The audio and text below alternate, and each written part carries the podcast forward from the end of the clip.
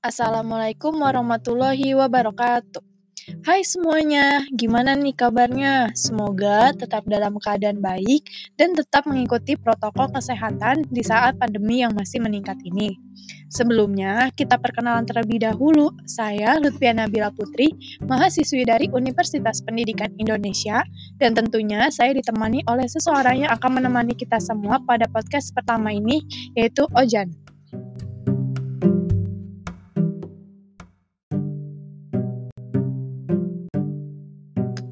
Sebelum mulai, podcast ini diajukan untuk salah satu mata kuliah pendidikan lingkungan hidup.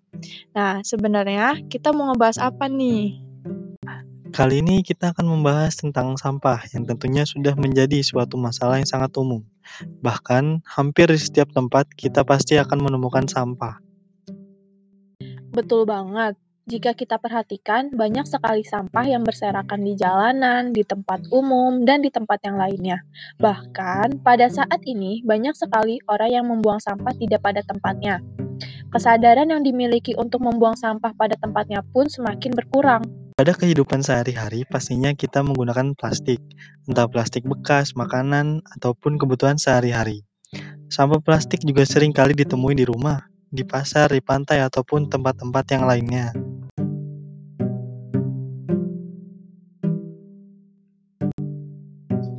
Sebelumnya, kita sudah menyaksikan sebuah tayangan video yang menjelaskan tentang sampah yang dihasilkan dari kehidupan sehari-hari. Dari tayangan video yang pertama, yaitu Urban Series, dengan hashtag nyampah, menjelaskan tentang sampah yang dihasilkan dalam sehari. Jika kita perhatikan, tentunya dalam sehari menghasilkan banyak sekali sampah. Contoh kecilnya yaitu ketika kita membeli makanan ke supermarket, bekas dari makanan ataupun minuman yang kita beli nantinya itu akan menambah sampah plastik yang dihasilkan perharinya. Walaupun pemerintah sudah mengeluarkan suatu keputusan untuk tidak menggunakan kantong plastik lagi agar mengurangi jumlah sampah plastik, namun bekas yang kita makan dan minum itu tentunya juga akan menambah jumlah sampah plastik perharinya. Walaupun begitu, pemerintah juga sudah membuat suatu regulasi yang dijelaskan dalam Undang-Undang Nomor 12 Tahun 2008 tentang pengelolaan sampah. Selain itu, ada juga program reusable, yaitu tempat yang dapat digunakan berkali-kali, namun tetap saja hasil dari isi ulang itu akan menghasilkan sampah plastik. Jadi, program reusable ini dianggap kurang efektif. Dengan adanya suatu regulasi, diharapkan manusia dapat dengan bijak dalam mengelola sampah plastik. Contohnya, dapat dimanfaatkan untuk menjadi pupuk kompos atau produk kerajinan. Selain itu, sampah yang terdapat di tempat pembuangan terakhir, kebanyakan sampah yang berasal dari produk fast moving consumer good atau produk-produk yang memiliki perputaran produksi yang cepat.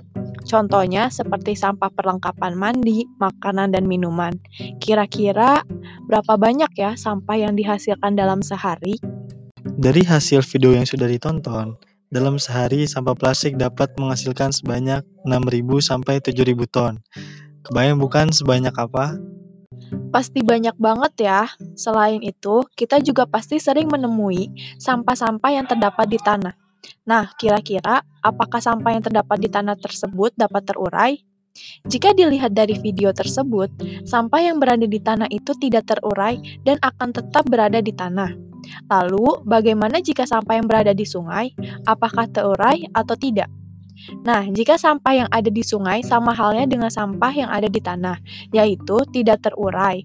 Tetapi, lama-kelamaan sampah tersebut akan menjadi potongan-potongan kecil yang nantinya akan menumpuk di dasar sungai. Jika sampah plastik yang dihasilkan dalam seharinya sebanyak itu, bisa saja dalam 5-10 tahun ke depan nantinya, tempat pembuangan sampah tersebut sudah tidak cukup lagi untuk menampung sampah-sampah yang dihasilkan oleh manusia.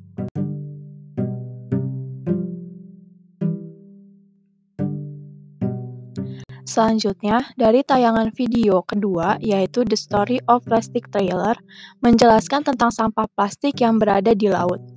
Laut tersebut sudah terkontaminasi oleh sampah-sampah yang dibuang ke laut. Sampah tersebut tidak akan terurai, tetapi akan berubah menjadi mikroplastik atau potongan-potongan kecil. Jika terdapat banyak sampah di laut, tentunya akan memiliki dampak yang negatif untuk laut. Misalnya, dapat membahayakan ekosistem laut dan dapat merusak terumbu karang. Seperti yang sudah dijelaskan dalam World Economy Column The New Plastic, memprediksi pada tahun 2025 mikroplastik yang ada di laut jumlahnya akan lebih banyak dibandingkan dengan ikan yang ada di laut tersebut. Sedangkan pada masa depan jika hutan sudah dihabisi, maka sumber protein yang akan diperoleh beralih ke laut. Maka dari itu, jika kita terus-menerus membuang sampah ke laut, bukan kemungkinan laut tersebut akan sangat banyak dipenuhi oleh sampah yang sudah jelas tidak akan terurai dan akan menumpuk di laut. Menurut indonesiabaik.id, pencemaran laut, Indonesia merupakan penghasil sampah plastik laut terbesar kedua di dunia. Penelitian dari UC Davis dan Universitas Hasanuddin yang dilakukan di Pasar Potere, Makassar, menunjukkan hasil 23% sampel ikan yang diambil dari laut memiliki kandungan plastik di perutnya. Sebenarnya, jika sampah plastik dapat diolah dengan benar, sampah daur ulang tersebut dapat menghasilkan keuntungan sekitar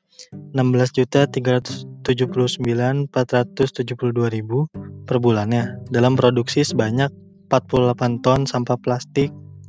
Wah, tentunya sangat menguntungkan ya jika kita benar-benar mengolah sampah plastik itu dengan baik. Nah, selanjutnya ada film Wall-E Film ini menjelaskan tentang sebuah robot yang bertugas untuk mengumpulkan sampah. Robot ini tinggal sendiri, dan robot ini membantu untuk membersihkan kekacauan yang ada di bumi. Di luar angkasa, terdapat manusia yang tinggal di sana dengan menggunakan suatu pesawat yang canggih. Robot yang terdapat di sana dapat membantu aktivitas manusia dalam kehidupan sehari-harinya. Jadi film Wall-E ini menceritakan tentang kehidupan di masa depan yang bisa saja nanti segala urusannya itu dikerjakan dengan menggunakan mesin ataupun robot. Wall-E ini yaitu sebuah robot yang membersihkan sampah dari beberapa tahun yang lalu. Sampah yang ada itu dihasilkan oleh manusia yang dibuang begitu saja. Nah, betul banget jika kita membuang sampah begitu saja dan banyak menggunakan plastik, tentu nantinya akan semakin bertambah pula sampah plastik yang dihasilkan dalam perharinya. Sebelumnya, kita juga sudah menonton sebuah film yang berjudul Wall-E. Kira-kira kaitannya apa ya dengan lingkungan dan budaya masyarakat di Indonesia dan juga dengan video sebelumnya? keterkaitkan film Wall-E yaitu yang sudah disebutkan sebelumnya bahwa kesadaran manusia terhadap membuang sampah itu semakin berkurang. Manusia tidak berpikir dampak apa yang dihasilkan jika jumlah sampah itu semakin meningkat.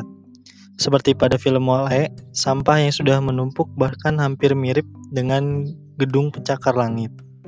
Kita perhatikan bahwa masih banyak sekali manusia yang membuang sampah begitu saja, dan mereka tidak memikirkan atau tidak memperdulikan dengan lingkungan sekitarnya.